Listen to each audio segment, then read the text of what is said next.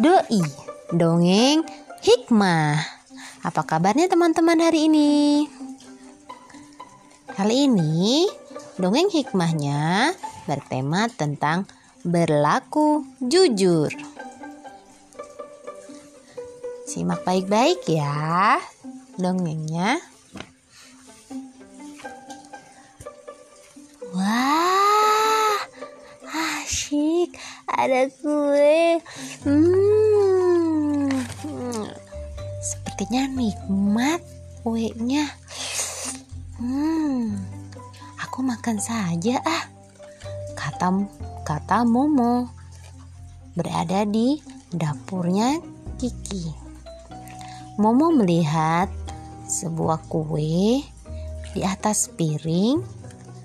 Kue tersebut nampak lezat bagi Momo. Hmm. Wow. Gumam Momo setelah dia tergoda melihat kue yang sangat lezat, Momo pun langsung menyantap kue tersebut dengan lahapnya. Hmm, enak. Tak lama kemudian, Kiki dan Ciba sampai di dapur tempat Momo berada. Lah, kueku di mana ya? Kayaknya tadi ku taruh di piring di sini deh. Ku taruh di sini di piring sini sini sini sini yang di sini. Oh, apa iyem? Ki? Iya, bah. Hmm, aku taruh sini kok. Kiki merasa kehilangan kuenya yang telah dia letakkan di atas piring di meja dapur.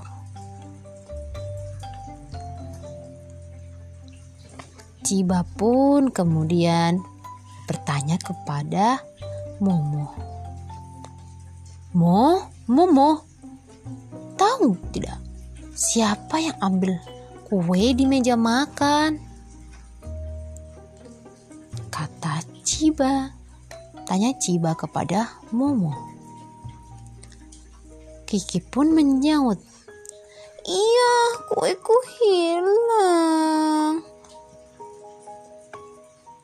Momo pun kemudian menjawab, Wah, aku tidak tahu. Momo berkilah bahwa dia tidak mengetahui kue Kiki yang tadi telah diletakkan di atas piring di meja makan.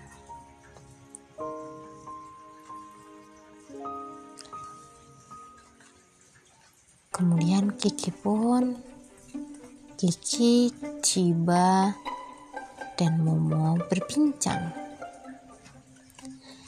Ya, padahal aku mau kasih hadiah buat yang bisa habisin kuenya.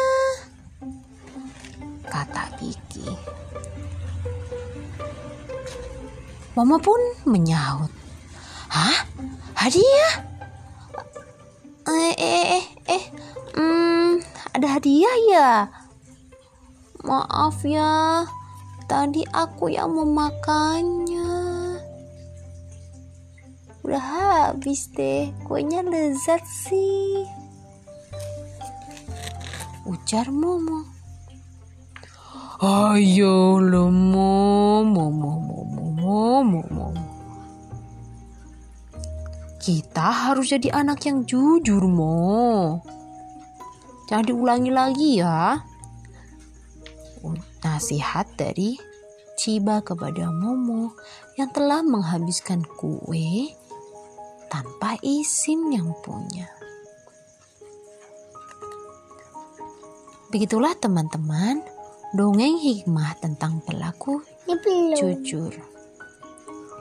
Sebagaimana dalam sebuah hadis dikatakan bahwa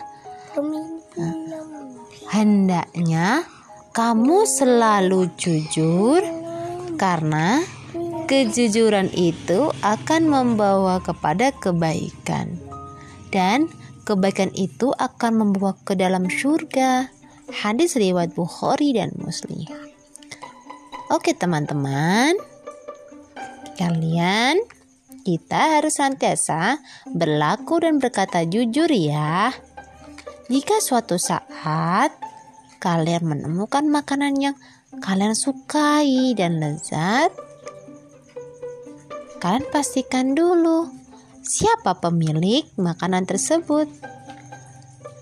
Lalu minta izin apakah bisa berbagi dengan kalian.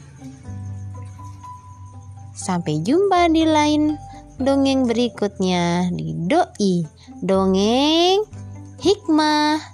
Wassalamualaikum warahmatullahi wabarakatuh.